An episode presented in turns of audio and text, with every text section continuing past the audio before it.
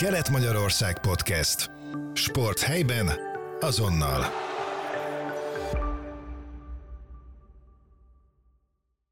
Nézzük meg akkor a Nyíregyháza Spartakusz, hogy ott mi történt az előző idényben, mert ott viszont bőven volt edzőváltás. Igen, hát hogyha az edzőváltásokról beszélünk, akkor gyakorlatilag egy egész műsort fel lehetne húzni a Nyíregyháza Spartakuszra. Még inkább akkor, hogyha a klubnak az elmúlt, nem tudom, öt évét vizsgálnánk meg mondjuk, de most maradjunk csak ennél a szezonnál.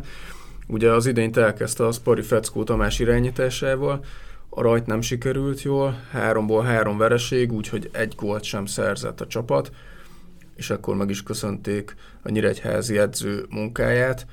Hozzá kell tenni azt is, hogy itt is nem tudjuk, hogy milyen kapcsolat lehetett esetleg a, az öltözőben, milyen kapcsolat volt a, a, a, játékosok és az edző között, mert alapból most három rossz meccs után nem mondanám, hogy ki kéne rúgni egy edzőt, és ezt teszem hozzá, ezek nem is voltak megalázó vereségek. Hát Talán egy nullákról beszélünk. Így van, egy nullás Egy nullákról beszélünk, az valóban nem néz ki jól, hogy nem szerzett gólt a csapat ennyi idő alatt, de, de annak most megint nem látom értelmét, hogy egy egész nyarat, egy egész felkészülést végigcsinál egy csapattal egy edző, és akkor három rosszul sikerült meccs után meg uh, már ki is rúgják, és akkor ilyenkor mindig az a baj, hogy jöhet egy új edző, annak új elképzelése van, itt ami a szerencsés volt, hogy Huszák Géza vette át a csapat irányítását, aki legalább már belelátott a, a klubnak, meg a csapatnak az életébe, úgyhogy nem ö, ismeretlenként kellett átvenni ezt a munkát. Vele hat győzelem, három döntetlen és hat ö, vereség jött össze. 25 gólt szerzett egyébként a csapat ebben az időszakban, egyébként nagyon sok gólos meccseket játszott a Spari. Rögtön az első, amin már Huszák Géza irányította a csapatot, az egy 4-2-es soroksár elleni siker volt ugye hát ez mindenkinek megadta az alaphangot, meg a jó kedvet, hogy na ez szuper lesz itt, aztán utána jöttek a döntetlenek és a vereségek is, úgyhogy már az őszt sem Huszák Géza irányításával veze, fejezte be a csapat, hanem az örök beugró lengyel Roland vette át a csapat irányítását, akkor két meccset kapott a, az ősz végén, ott egy döntetlen és egy vereség sikerült, egy, egy hát eléggé light menetbe került ö, csapat élén, itt megint azt kell elmondani, hogy, hogy ez, a, ez a két meccses időszak, ez meg egy olyan, ami alatt még talán ez az új impulzus se jön át, hogyha már előtte négy hónapon keresztül lejtmenetben van egy együttes, és már mentálisan, lelkileg minden szinten lefelé megy, akkor most így két meccsen nem lehet csodát tenni,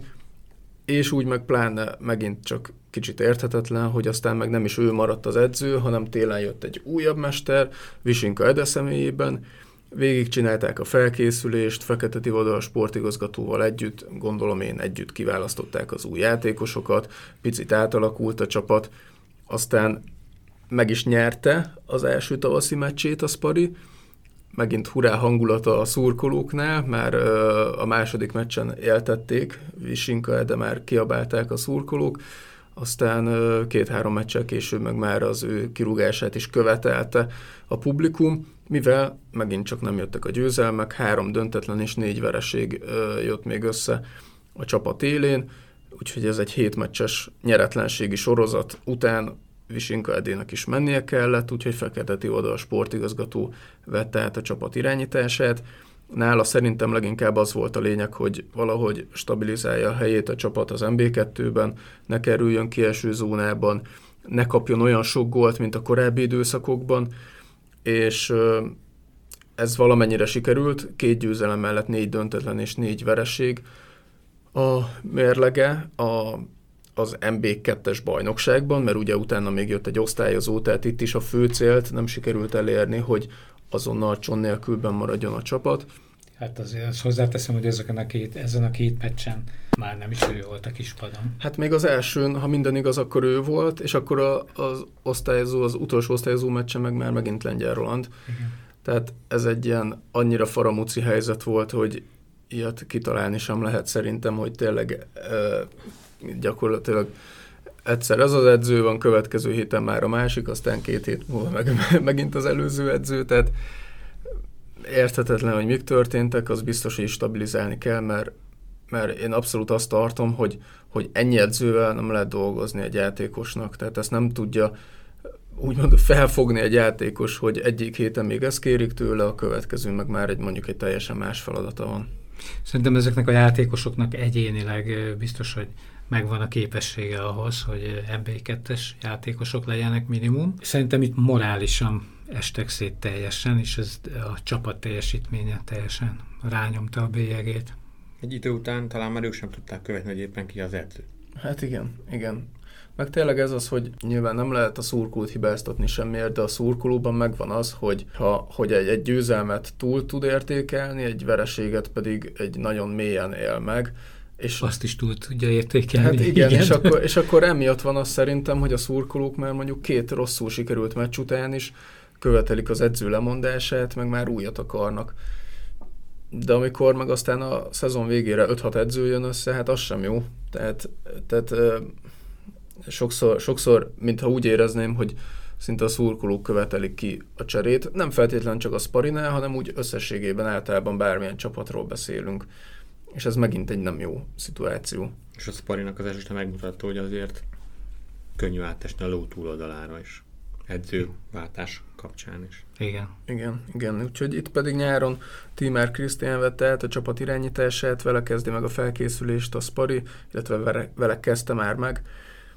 Úgyhogy én csak bízni tudok abban, hogy, hogy ő egy olyan edző lesz, aki tényleg megkapja a bizalmat hosszú időre, nem fogják lecserélni két-három rosszabb mérkőzés után, és hát ami még fontosabb, hogy tényleg legyenek eredmények, és végre azért, azért feljebb kerüljön a Spari valamennyire, ha nem is egyből az NB1-be, de, de semmiképpen se itt a NB2 alján legyen. Na, Norbi, akkor most forgassuk meg Krisztián szívébe a kést, beszéljünk a kosarasokról. Igen, ugye a Hübner Nyíregyháza BS a férfi kosárlabda NBA egy átcsoportban Pető Ákos irányításával kezdte a mögöttünk hagyott szezont. Ugye Pető Ákos végigcsinálta az újonc idényt, azt gondolom, hogy abszolút sikeresen, hiszen azzal a, azzal a játékos kerettel újoncként három csapatot is megelőztek a cápák, ami, amit sikernek lehet elkönyvelni, hiszen akkor is a bemaradás volt a cél. Aztán a következő idény nagyon rosszul kezdődött, nem sikerült a játékos kiválasztás, gyenge légiósok ö, jöttek össze, a csapat pedig folyamatosan kikapott, és ő 8 vereség után ö, távozott a kispadról. Tehát 0-8-al áll egy csapat, olyankor azért, olyankor azért tényleg el kell gondolkodni, hogy, hogy most már valamit váltani kell. Hozzáteszem azt is, hogy ha az előző szezonban jó volt Pető Ákos, jó edző volt, akkor nem valószínű, hogy három hónap alatt nyáron elfelejtette a szakmát. De az újon szezonban is egy ilyen csúnya sorozattal kezdett a Nyíregyháza. Ott, is, ott pedig 0-6-tal kezdett, annyi, hogy ott, ott meg lehetett azt magyarázni, hogy akkor még nem volt center a csapatnak, és akkor a hatodik vereség után érkezett menni Suárez, úgy ö, szerkezetben már azért sokkal jobban nézett ki a csapat. Itt nem lehetett egy valamire ráfogni, mert tényleg több játékos is gyengén teljesített és a kosárlabdában éppen mindig ott van az a nem tudom, hogy nevezzük mondjuk kiskapunak, hogy a légiósokat tudod cserélgetni, na de az is pénzbe kerül, az sem ö, könnyű, hogy minden héten egy új játékos kell beépítened, tehát végső soron itt is az edzőváltás ö, lehet talán a könnyebbik lépés. Én személy szerint nagyon sajnáltam, hogy Ákos távozott, mert mégiscsak egy nyíregyházi edzőről beszélünk, és mondom, előtte pedig egy jó szezon produkált a csapat élén.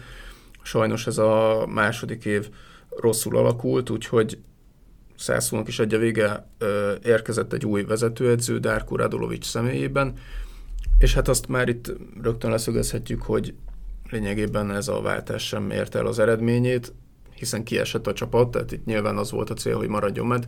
Kiesett a csapat, és hát úgy, hogy reménykedni lehetett az utolsó pillanatig, meg itt a lebonyolításnak köszönhetően is lehetett reménykedni de hát valójában összesen vele is csak négy győzelem jött össze.